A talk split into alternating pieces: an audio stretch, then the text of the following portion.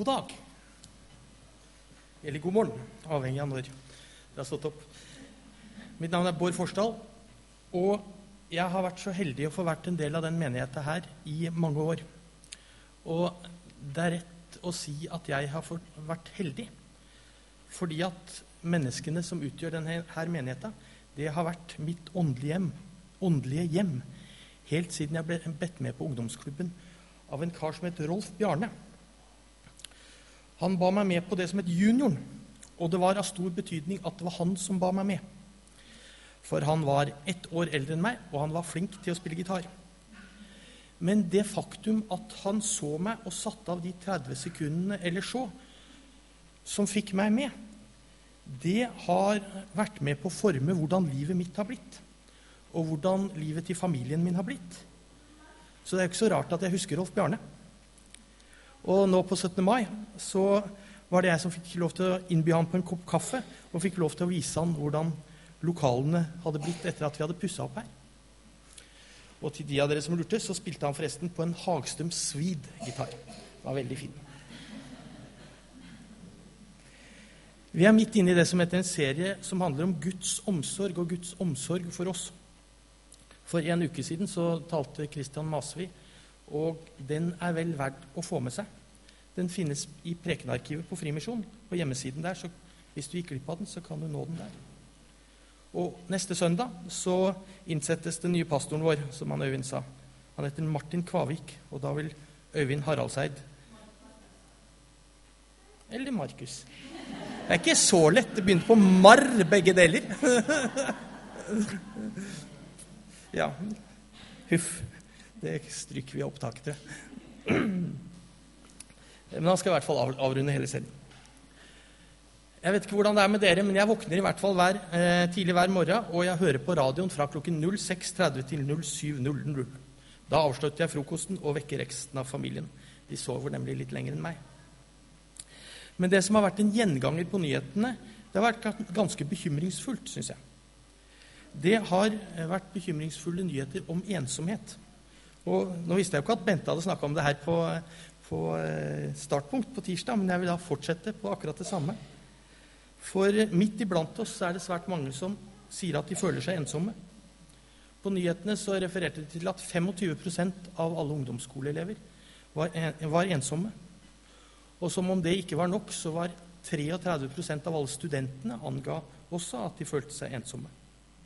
Jeg har lurt litt på det for den perioden av livet som det nok ikke er så veldig mange sånne forpliktelser der man fritt kan bestemme hva man vil spise, hva man vil ta på seg av klær, når man står opp, om man vil møte opp til forelesning eller ikke. Det finnes muligheter til å treffe nye mennesker, flytte til nye byer, oppleve nye ting. Og likevel så angir 33% at de er ensomme. Jeg vet, ikke, jeg vet ikke om dere husker tilbake noen måneder, så var det en tragisk historie fra Bergen. Det var en person som hadde en del hjelp fra kommunen. Hun hadde planlagt å reise til Gran Canaria og bli borte i jeg tror det var nesten seks måneder. Eh, hun ble først funnet død noen uker etter at hun skulle ha kommet tilbake fra Gran Canaria. Hun hadde aldri kommet seg av gårde, og ingen hadde meldt henne savnet. Verken i Bergen eller på Mallorca. Og det er litt sånn alvorlig å tenke. Jeg trodde det kunne skje i sånne store byer. Bergen er ikke så stort. I dette landet, som er blant de rikeste i verden, der rikdommen er noenlunde likt fordelt, og vi har tilgang på basisbehov som mat, husrom, skole og jobb, så er likevel ensomheten markant til stede. Og med den så følger både usikkerhet og en følelse av utilstrekkelighet. Hvis dere tar på det første slides Jeg har til og med med to slides i dag. Men eh, i England så har de vært oppmerksom på det her en stund. Og de har til og med utnevnt en egen minister for ensomhet. Hun heter Tracy Crouch. Og det skjedde nå i januar 2018, så ble hun eh, innsatt. Noe som heter Chief Officer of Age. Det er en, eh, en sånn helsetittel i England. Det er en doktor som heter Mark Robinson. Han sa at ensomhet var mer ødeleggende for helsen enn å røyke 15 sigaretter daglig. I Japan så har det blitt så vanlig at eldre dør ensomme at de har et eget ord for det kotokushi. Måtte man aldri høre det igjen. Den tidligere helsedirektøren i USA, som går i navnet Surgeon General, skrev en artikkel som het 'Arbeid og ensomhetsepidemien'. Den vanligste sykdommen han så som lege, var ikke lenger diabetes eller hjertesykdom eller kreft. Det var ensomhet. Mennesker som var ensomme, og som kom til han av ulike årsaker på grunn av det. da. Og det hadde mer enn fordoblet seg på 80-tallet. Eller fra 80-tallet fram til i dag har de som angir ensomhet, mer enn fordoblet seg. Um, 40% av amerikanere forteller i undersøkelser at de er ensomme. Og For syv år siden, da vi var en periode i USA, så så vi en reklame for noe jeg ikke trodde jeg så. Øynene datt nesten ut på meg. Det var det neste slide. Det er noe som heter Cuddle Service. Og jeg slo det opp. Det er, jeg husker det fra, fra, langt tilbake, men da jeg slo det opp nå når vi kom tilbake Eller jeg skulle forberede meg her nå. Og det har faktisk ikke bare vært en, en service i USA. Nå har det spredt seg til andre land også. Det det dreier seg om, er at uh, man betaler en, et annet menneske for å bli holdt rundt omkring. Det, det, har ikke noe seksuell art, men rett og slett å bli holdt omkring. Føle nærheten til et annet menneske. 80 dollar i timen koster det. Eller 50 pund, den engelske varianten. Det var litt trist. Dette er ødeleggende for helsen vår, og det knuser sjelen vår. Og noen burde gjøre noe med det. Noen burde ha gjort noe med det. Noen burde ha gjort noe med det, og jeg vil hevde at noen gjorde noe med det for 2000 år siden. Og jeg vil bruke resten av tida mi til å si noe om det. Da Jesus begynte gjerningen sin her på jorda, så var det ikke akkurat hissige diskusjoner med fariseerne som var det første han gjorde. Det kom i rikt monn etter hvert. Men det første han gjorde, var at han gikk rundt. Og så sa han at han kom med gode nyheter. Gode nyheter om at Guds rike var kommet nær.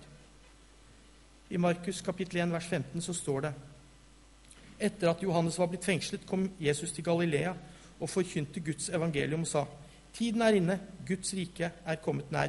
Vend om og tro på evangeliet.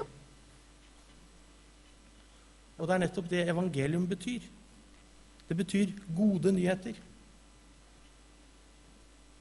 Så de fire evangeliene våre de heter egentlig de gode nyhetene ifølge Matteus, Markus, Lukas og Johannes. Og det som var de gode nyhetene, var at nå var Guds rike kommet nær.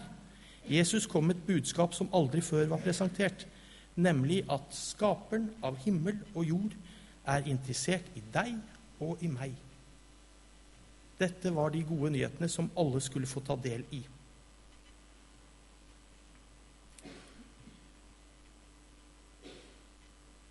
Johannes 3, 16 så står nettopp det. For så høyt har Gud elsket verden, at han ga sin sønn den en, enbårne, for at hver den som tror på han, ikke skal gå fortapt, men ha evig liv.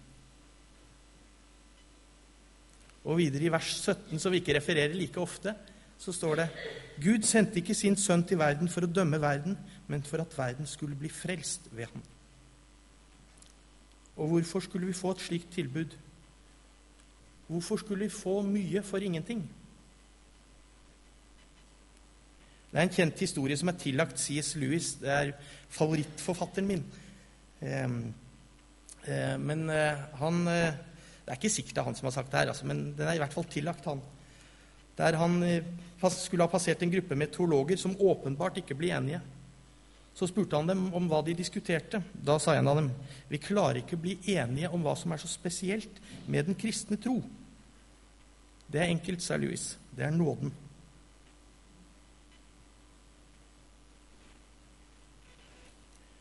Paulus oppsummerer til medarbeideren sin Titus, som var en av lederne i menigheten i Korint, hvorfor Gud har gjort det her. Gud elsker menneskene, og han var den aktive part for å få det hele i stand igjen. Og det er der nåden ligger. Og I Paulus sitt brev til Titus så står det Men det ble åpenbart hvor god vår Gud og frelser er, og at han elsker menneskene. Han frelste oss ikke på grunn av våre rettferdige gjerninger, men fordi han er barmhjertig. Han frelste oss ved badet som gjenføder og fornyer ved Den hellige ånd.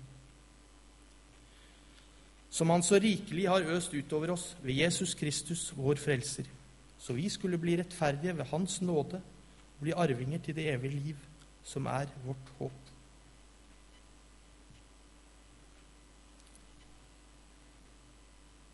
Det, tysk, det var en tysk prest ved navn Dietrich Bonhoeffer. Eh, han var kjent i Tyskland og har siden blitt veldig kjent utenfor Tysklands grenser. Han ble henrettet under andre verdenskrig for sin motstand mot nazismen. Han har skrevet flere bøker, og en av de bøkene er kalt 'Etterfølgelse'. Og Der bruker han et begrep som heter 'billig nåde'. Jeg skal bare referere det han sier. Billig nåde, det er nåde uten noen pris. Det ligger i selve nådens vesen at regningen er betalt på forhånd for alle tider. Med henvisning til den kan man få alle ting gratis. Billig nåde, det er som en læresetning, som prinsipp, som et system. Billig nåde er tilgivelse som en allmenn sannhet. Billig nåde rettferdiggjør synden og ikke synderen. Ettersom nåden likevel utretter alt av seg selv, kan alt bare fortsette som før. Og så sier han noe om motsatsen som man kaller for dyr nåde. Dyr nåde er det evangeliet vi stadig må søke på ny. Gaven vi må be om, og døren vi må banke på. Den er dyr fordi den kaller oss til etterfølgelse. Den er nåde fordi den kaller oss til å følge Jesus Kristus. Den er dyr fordi den fordømmer synden, nåde fordi den rettferdiggjør synden. Fremfor alt er nåden dyr fordi den kostet Gud dyrt, fordi den kostet hans sønns liv. Og I 1. Korinterbrev kapittel 6 vers 20 så står det nettopp det. Dere er kjøpt, og prisen er betalt. Og fordi det som er dyrebart for Gud, det kan rett og slett ikke være billig for oss. Og dyr nåde er at Gud ble menneske. Nåden er dyr fordi den tvinger mennesker inn i etterfølgelse under Jesu Kristi åk. Nåden er at Gud sier 'mitt åk er godt, og min byrde lett'. Gud har omsorg for oss, og ved Jesus Kristus har vi tilgang til Gud. Og vi er da en del av et fellesskap av troende. Og Da Jesus ble spurt en gang hvor familien hans var, så svarte han at han var med familien sin da. Der og da var han sammen med familien sin. Og der satt han sammen med disiplene sine.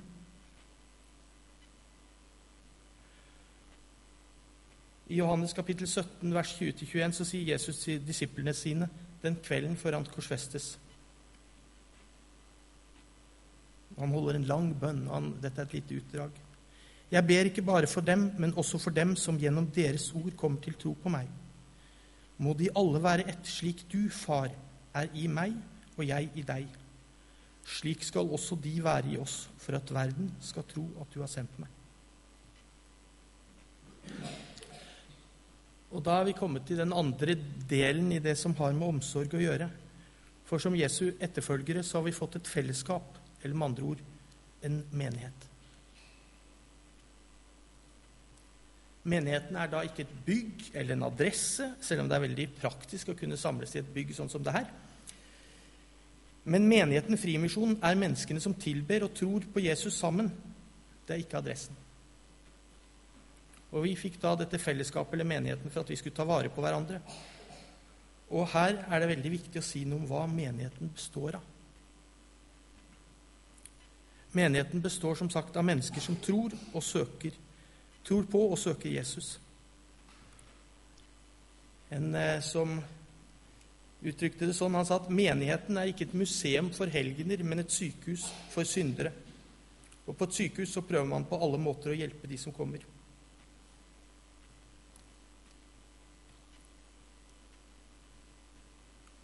Av og til så hører jeg menigheter beskyldt for å være, for å være sånn utstillingsvindu for perfekte mennesker. Og av og til så kan man jo føle at eh, de man sitter sammen med her i det rommet her, kan se ut som de fikser alt. Men hvis vi er litt ærlige og, ved, og kjenner etter, så vet vi at det ikke er sant. For eh, vi er like lite perfekte alle sammen. Vi er kanskje litt dårlige å stille fram sårbarhet. Jeg husker en gang eh, jeg var med i Kristelig eh, legers forening her i Tromsø. Det var på et møte der. Vi var ikke så veldig mange, men vi var noen samlet. Og så var jeg bedt om å si noe om livet mitt. Og eh, det gjorde jeg, da. Og det var dagliglivets gleder og ikke minst sorger. Og når jeg var ferdig, så utbrøt en av de andre. Ja, nå trenger vi ikke være redd for å dele noe som helst her lenger. Eh, eh,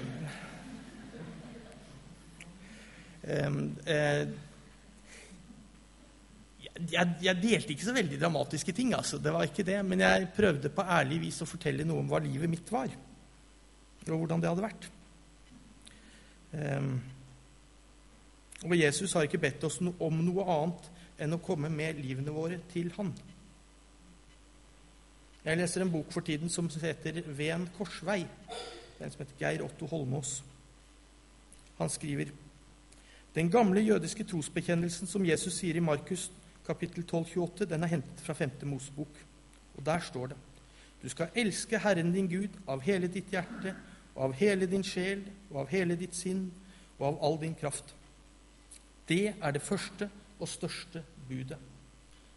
Det Jesus lærer oss her, er ikke et krav om perfeksjonisme, men han ber om summen av den jeg er. Det er ikke først og fremst entusiasmen min han ber om, men det er hengivenheten min han er ute etter.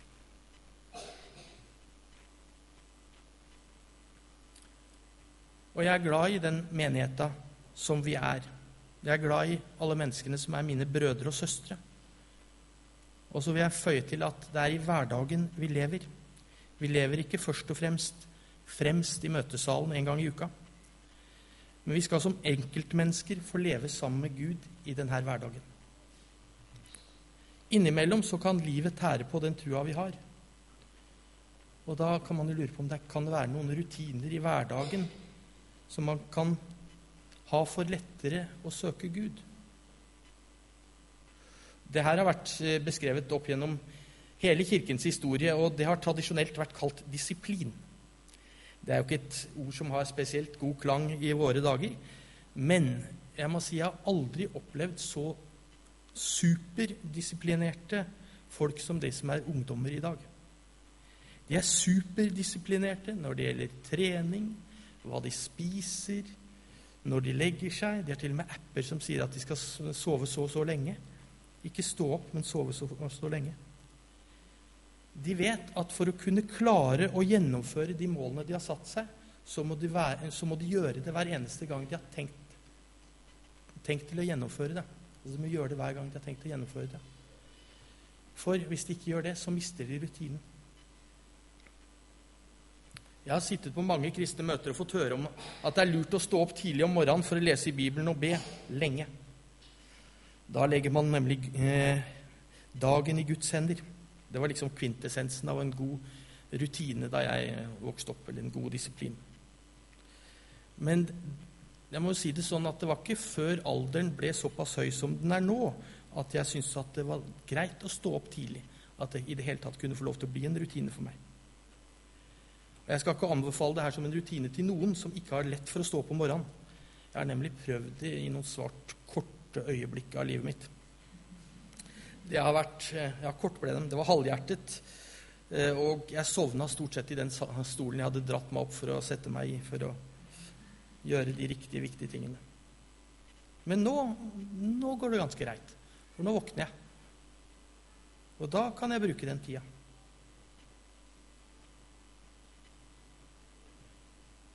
Eh, finn gjerne noe du kan du vet kan være en lett rutine for deg.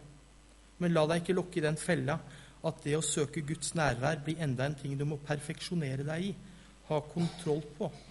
Gi deg isteden over. Jeg har sagt at jeg skal ikke anbefale noen rutiner, men det er to ting jeg vil anbefale uten blygsel til alle, uansett alder. Og det ene er å bli medlem av en smågruppe. Og en smågruppe som er livsnær. Livsnær betyr at der kan dere dele av livet sammen. Og dersom du ikke allerede er medlem av en sånn smågruppe, så er det muligheter til det. Og som Bente sa, fylle ut et av kontaktkortene. Så er det noen som vil ta kontakt med deg, og så vil de finne ut av hvilken gruppe som kan passe for deg. Du skal til og med få lov til å velge. Den andre tingen jeg vil anbefale deg, er at dersom du har tid og lyst, så meld deg til tjeneste. For merkelig nok så gir det mye tilbake. Både av fellesskap og av opplevelser. Jeg har hatt den store gleden av å få jobbe som frivillig i mange år, og det har gitt meg stor glede. Glede over å kunne se et resultat, fordi at jeg har fått lov til å være med på å male vegg, eller sunget i kor, eller i dag få lov til å være med og spille i lovsangen. Det har jeg fått gjøre sammen med andre, og sånn som jeg fungerer, så gir det tjenestefellesskapet Og det er et fint ord, da, men det er det, det ordet jeg har tenkt å bruke.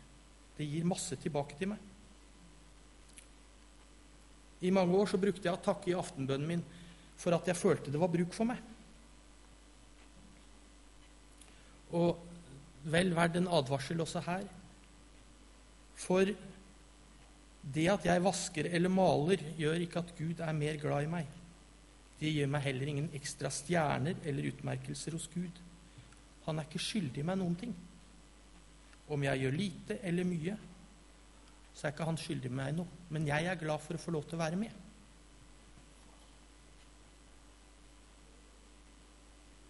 Og det her det trodde jeg faktisk at jeg hadde skjønt for lenge siden. Nå skal dere få høre en dustete historie. Jeg har aldri brukt mye penger på spill. Jeg liker ikke å spille. Jeg, jeg faktisk misliker å tape de der pengene mer enn jeg gleder meg over å måtte vinne noe. Så jeg har aldri brukt penger på spill, bortsett fra de obligatoriske loddene som vi måtte kjøpe av ungene. Eller naboens unger, fotballag og alt det der greiene der.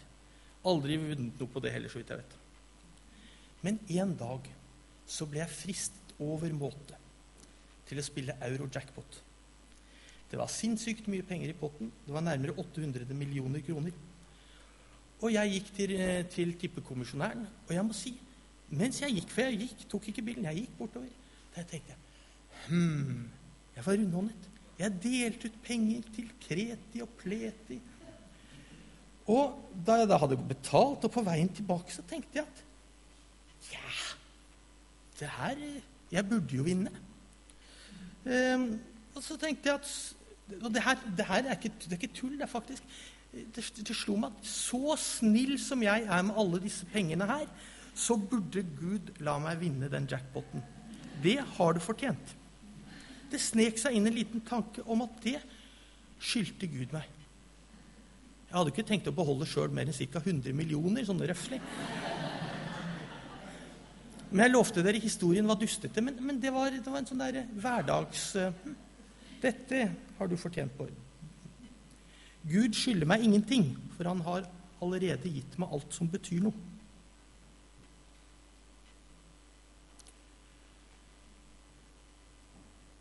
Og om det jeg har sagt om å være med i en tjeneste, gir dårlig samvittighet, så er ikke det hensikten. Det er ikke det som er hensikten. Men dersom du har overskudd og tid og vil være med i det fellesskapet med andre, så vil det gi deg noe tilbake. Alle er selvsagt hjertelig velkommen her, uansett om man deltar eller ikke. Men jeg tror det å våge seg utpå kan være med på å bryte ned nettopp det vi begynte med ensomhet. Gud har omsorg for deg. Han har gitt deg og meg og alle nåde, så vi kan ha fellesskap med Han. Og han har gitt oss et fellesskap med troens brødre og søstre, søstre sånn at vi ikke trenger å være ensom. Skal vi be.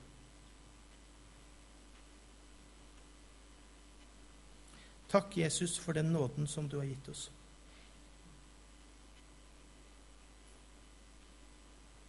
Takk for at du ønsker hengivenheten vår, og ikke noe annet.